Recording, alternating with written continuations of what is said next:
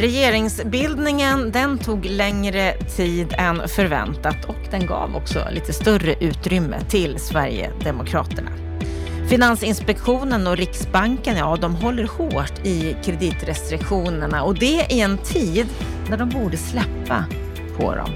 Elprisstödet, det är bra, men samtidigt så ser vi att det är tufft för Stockholmsområdet när det gäller att rekrytera till offentlig sektor. Ja, alldeles strax ska du få höra vår expertkommentator Kent Persson här i veckans Aktuellt om det senaste som har hänt inom bostads och fastighetssektorn.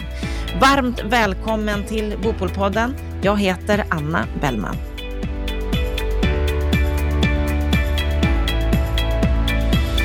Och det viktigaste som vi börjar veckans Aktuellt med den här veckan, det är ju att det inte blev någon regering i onsdags och nu när vi sänder detta så har vi fortfarande inte sett någon regering.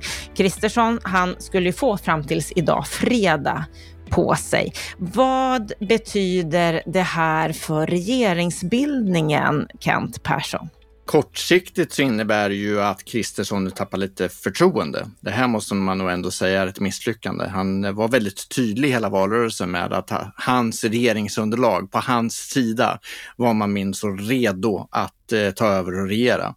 Eh, och det är klart att nu har det gått två veckor och det kan man tycka är kort eller liten tid, men han har haft två veckor på sig i sonderingstid av talmannen och inte är klar det måste man nog ändå säga är ett litet misslyckande. Han borde ha kommit längre för att idag kunna presentera att han har ett regeringsunderlag med sig och det har han uppenbarligen inte, utan att det fattas fortfarande lite grann i de där förhandlingarna.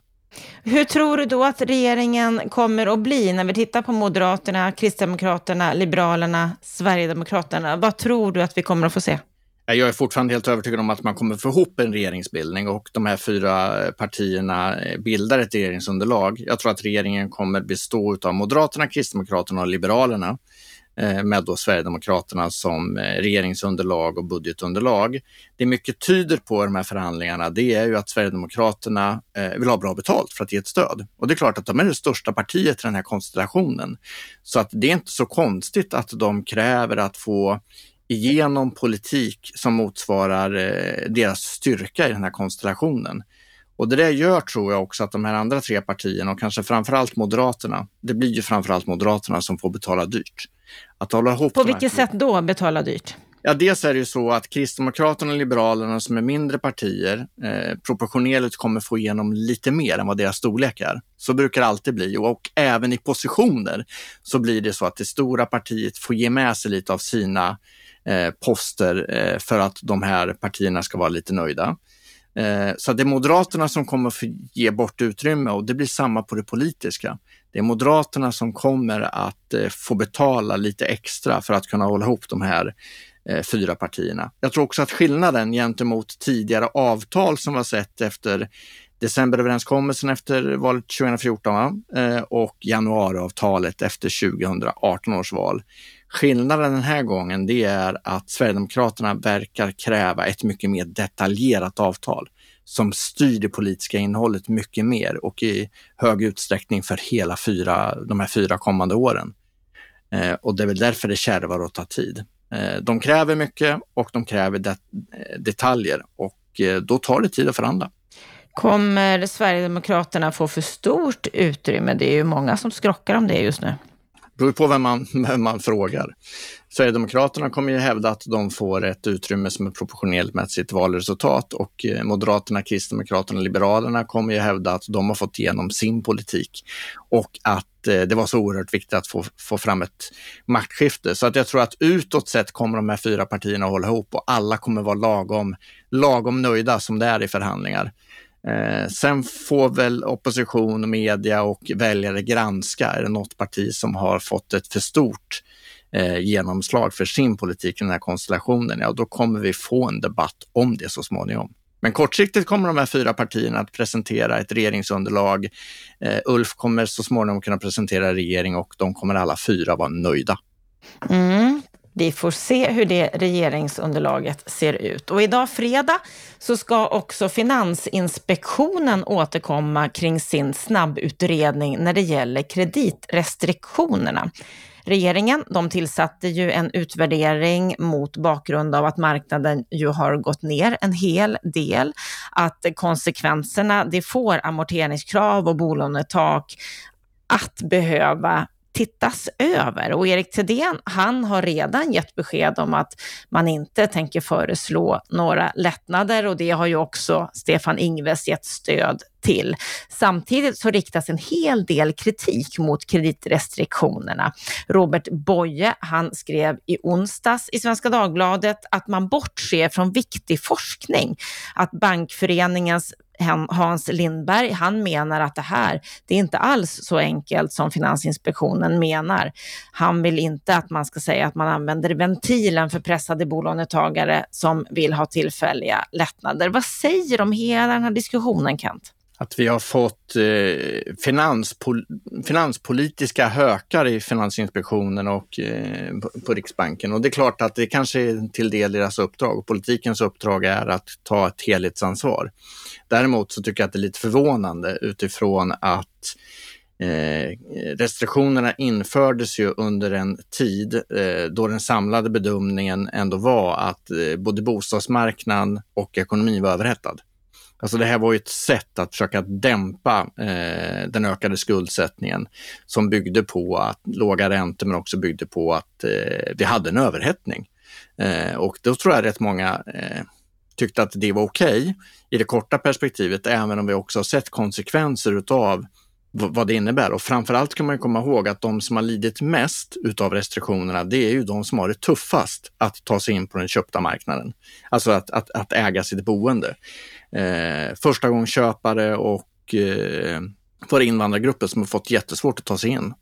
Eh, och det gör ju att det blir ännu märkligare nu när vi är på väg in i en lågkonjunktur och vi ser vilka problem som bostadssektorn har Eh, att man ska fortsätta hålla i de här kreditrestriktionerna. Det kommer att eh, få förödande konsekvenser. Det kommer slå mot de som eh, vill köpa sitt boende och äga sitt boende. Eh, att de kommer fortsätta få det svårt att låna. Och det andra är att det riskerar att förstärka eh, den lågkonjunktur vi nu ser på, på bostadssektorn, alltså de problemen vi har. Eh, med minskat byggande och minskade försäljningar utav eh, nyproducerade lägenheter och hus.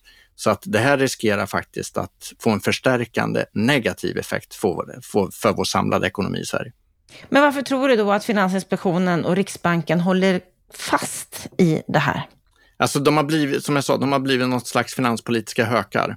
Man kan fundera på om det verkligen är deras uppdrag, men uppenbarligen har de definierat sitt uppdrag så och jag tycker att de har definierat sitt uppdrag fel. Alltså jag tror att vi kommer få en ganska lång diskussion om detta och det har vi delvis redan haft, men den kommer att bli ännu mer tillspetsad nu när det verkligen är så att det behövs förändringar i de här eh, ramverken för att Sverige ska kunna fungera helt enkelt. Och jag är ganska övertygad om att politiken samlat kommer tycka ungefär likadant. Eh, jag tror inte du kommer se en skiljan, skiljelinje mellan opposition och den nya regeringen i den här frågan. Jag tror att det politiska systemet samlat kommer tycka att det är dags att lätta på restriktionerna. Sen kanske det kommer skilja sig i hur mycket man ser i, i lättnader. Men jag har svårt att se att, eh, att det kommer vara stora skiljelinjer inom politiken. Skiljelinjen nu går mellan politiken och de här eh, hökarna. Så att nu när vi snart då kommer att få se en ny regering, kommer vi se någon förändring i kreditrestriktionerna? Ja, det tror jag. Jag tror att eh, en, ny regering och en ny riksdag kommer att fatta eh, beslut och använda eh, kraften i lagstiftningen för att förändra detta. Mm, vi får se om du har rätt i det. Det är ju olika vindar som blåser här. Och det är ju mycket som händer nu med tanke på den nya regeringen. Och en annan sak som regeringen verkligen måste ta tag i med en gång, det är ju elprisstödet som ju partierna också har utlovat. Fastighetsägarna de föreslog i veckan i ett brev till Svenska kraftnät att det kommande elprisstödet ska utformas som en försäkringslösning för att ge företag och hushåll ett högkostnadsskydd samtidigt som incitamenten för att energieffektivisera behålls och kostnaderna för samhället hålls nere. Och det ena, det är ett elprisstöd till företag och hushåll med maxtak för elpriset för att kapa pristopparna för elkunder som på kort sikt har svårt att styra och sänka sin elförbrukning. Och till den här gruppen så hör exempelvis fastighetsföretag och mindre verksamheter. Och det andra, det är ett elprisstöd till industriföretag för att styra om effektuttaget. Och det ska utformas som en rabatt på genomsnittligt tillpris. Ja, vad tycker du om det här förslaget, Kent? Jag tycker att det låter som genomtänkt och en modell som kan genomföras. Eh, vi ska också komma ihåg att vi har haft en valrörelse där också det samlade politiska landskapet har gett besked om att eh, det måste till någon slags stöd för att dämpa kostnaderna, både för industri och privatpersoner. Eh, och vi, allting tyder ju på att vi kommer gå mot en mycket besvärlig vinter när det handlar om, om elförsörjning och elpriser. Eh, så det här är väl eh, ett sätt som en regering skulle kunna genomföra ett stödsystem som skulle eh, supporta, stötta både hushåll och företag och industri och det behövs. Men hur stor roll spelar det här elprisstödet för hushållens konsumtion? Rätt utformat så är det såklart att, att eh, det blir bra, för det är ju, farhågan är ju att om du gör ett system där det dämpar för mycket, det är att folk kommer använda för mycket el. Och det är också så att vi behöver nu allihopa hjälpas åt i att spara. Eh, och det är mycket möjligt att, att en regering behöver sätta fart på något slags informationsarbete med det inför den här vintern. Att alla måste hjälpa till att spara, tänka till att släcka lampor, göra allt det som det har börjat med en information kring. Men jag tror att det behöver tydliggöras ännu mer för att om vi hjälps åt, då kommer det här bli faktiskt ganska mycket lättare att klara den här vintern. Så det räcker inte, det räcker inte med att, bara hjälpa till med ekonomin. Eh, för utsatta hushåll kan ju det här bli fruktansvärda konsekvenser. Att man inte ens klarar av den här vintern med de höga elräkningarna som kommer. Men det måste också till en diskussion om att eh, vi måste hjälpas åt att minska den här vintern, eh, belastningen eh, och användandet utav, av el. Det är ju ingen långsiktig lösning. Långsiktigt så behöver vi ju förstärka elförsörjningen i det här landet. Men det tar ju som bekant eh, ganska många år att få ordning på det. Kommer vi få se många hushåll, tror du, som inte klarar av den här vintern? Ja, jag är orolig för det. Eh, i och med att vi är, det är inte bara elen, det är alla kostnader rusar just nu och för hushåll som har små marginaler kommer det här bli väldigt svårt att klara. Stockholms handelskammare de har här i veckan kommit med en rapport över hushållens inkomster kontra kostnader nu i det här nya läget, det nya marknadsläget som vi har. Och den här rapporten den visar att norrbottningarna nästa år, 2023. De kommer att ha mest kvar av lönen efter fasta kostnader. 2021, för ett par år sedan, då hade stockholmarna 7 000 mer än norrbottningarna kvar i plånböckerna. Men nästa år, då kommer norrbottningarna få nästan en tusenlapp mer än stockholmarna och allra fattigast blir skåningarna 20 23. Vad tror du? Om vi tittar på den här jämförelsen, vad betyder det här på sikt? För de senaste åren när det har varit lönsamt att bo dyrt så har ju skillnaderna mellan stad och land förstärkts. Kan den här nya ekonomiska situationen vända den utvecklingen? Jag, vet inte, jag tycker det är jättesvårt. Det är klart att elpriset slår igenom rätt hårt på detta och därför blir det tufft för, för södra Sverige och tuffare för Stockholm och betydligt enklare än norra Sverige. Och det är väl Ja, det är en konsekvens helt enkelt av elpriset. Jag tror att, att det kommer möjligtvis att öka spänningarna och försvåra kortsiktigt lite grann för våra tillväxtorter. Eh, att en del kommer fundera på hur ska du få ihop din ekonomi? Eh, särskilt om du jobbar i offentlig sektor och bor i Stockholmsområdet. Det kommer bli jättetufft.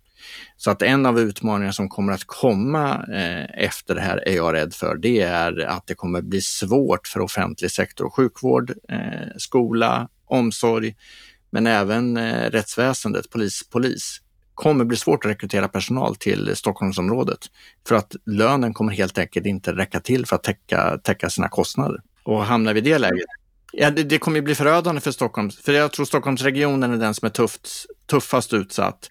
Skåne också såklart. Men om vi hamnar i ett läge där människor avstår från att arbeta i offentlig sektor i Stockholmsregionen för att man helt enkelt inte får ihop sin ekonomi, då kommer vi ganska snabbt få problem eh, runt offentlig sektor i Stockholmsregionen och det kommer få ganska stora konsekvenser snabbt. Så det blir konsekvenser i Stockholmsregionen för offentlig sektor, men hur blir det för landsbygden? När vi säger att hela Sverige ska leva, kan det finnas en fördel för eh, landsbygden framöver? Ja, det kan finnas en uppsida och vi får väl se då om eh, människor vill flytta till, till landet. Och en del arbeten kan du sköta från distans. Eh, vi har också ett eh, Industrialiseringen utav norra Sverige eh, går ju jättefort och det, och det, behövs mängder av arbetskraft där uppe. Vi pratar ju om hundratusentals nya jobb som kommer att komma de kommande åren. Så då är det väl bra att det finns en ekonomisk eh, möjlighet att flytta upp. Eh, men det kommer att bli en fortsatt eh, diskussion och fortsatt spänning mellan stad och land. Och för Sverige så är det så att vi måste klara av både och. Alltså vi måste klara av utvecklingen på landet och anpassa förutsättningarna för det.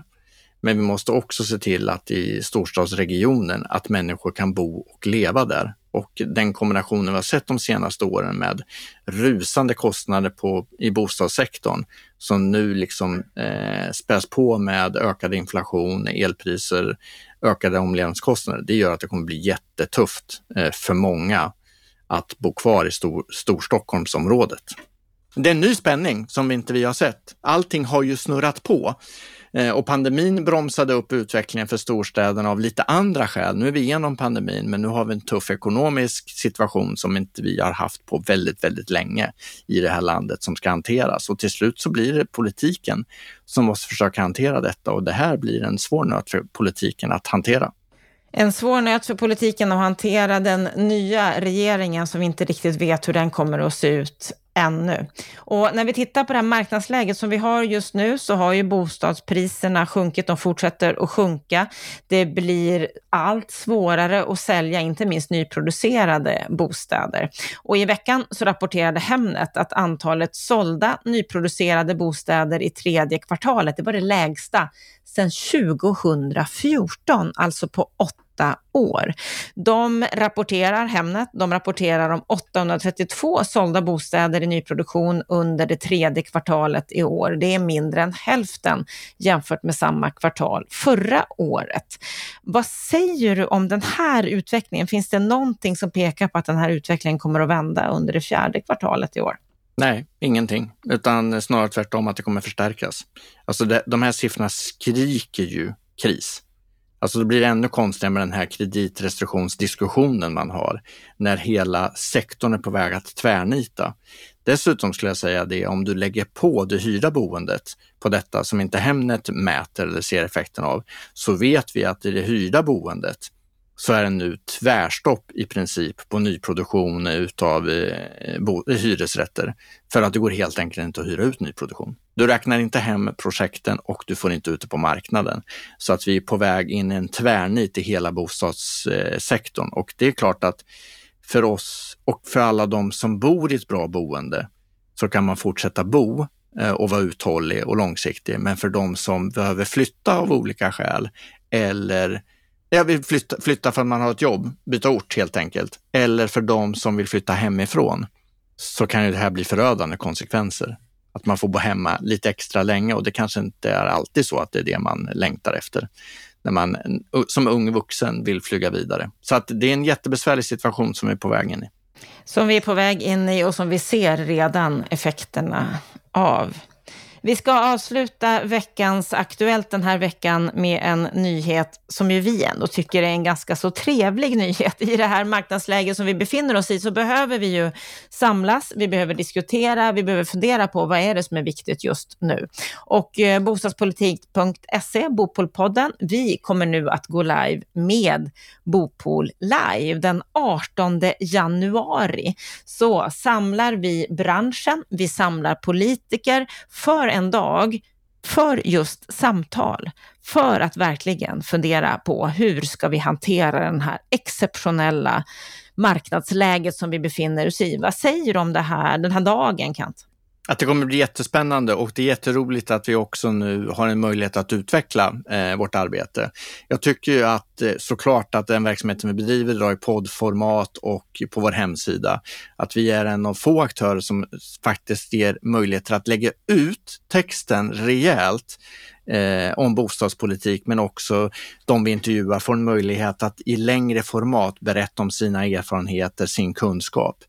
Eh, men det räcker inte. Vi vill ju också faktiskt kunna mötas för att sprida den här kunskapen och också i form av dialog eh, kunna hjälpa varandra till insikter och eh, till nya kunskaper. Så att jag ser jättemycket fram emot den här dagen där vi både ska få fördjupande kunskap i en hel rad viktiga, aktuella och angelägna ämnen, men också att vi får en möjlighet att mellan branschpolitik få mötas och samtala och det är en faktiskt jätteviktigt i tider utav kris att man också möts för att skapa en bättre förståelse för, för varandras förutsättningar helt enkelt.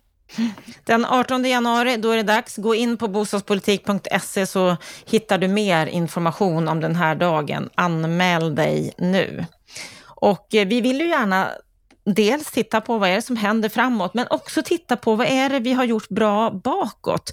Och i måndagens program i Bopolpodden, då ska du få träffa Mats Hederos, som sägs vara en legendar, en nytänkare när det gäller att utveckla Stockholms innerstad. Tricket är ju att försöka gå ut och lyssna och ställa öppna frågor om vad som är framtidsdrömmar, vad som är problem i dagsläget eller vad det nu kan vara för någonting. För att ta vara på de insikter man får i en sån förfrågning när man sen gör sin egen plan eller staden planerar. Och det där är väldigt svårt. Är man expert så är man, det känns nästan som man är programmerad för att man ska lösa problemen själv. Och sen kanske i bästa fall få lite input från medborgare. Så att mycket mer medborgarinflytande i ett tidigt läge. Där hörde du Mats Hederos om vikten av att lyssna, något vi kanske inte alltid gör när vi utvecklar våra städer. Hela samtalet med honom, det får du höra på måndag här i Bopolpodden. Med detta så önskar vi dig en riktigt trevlig helg.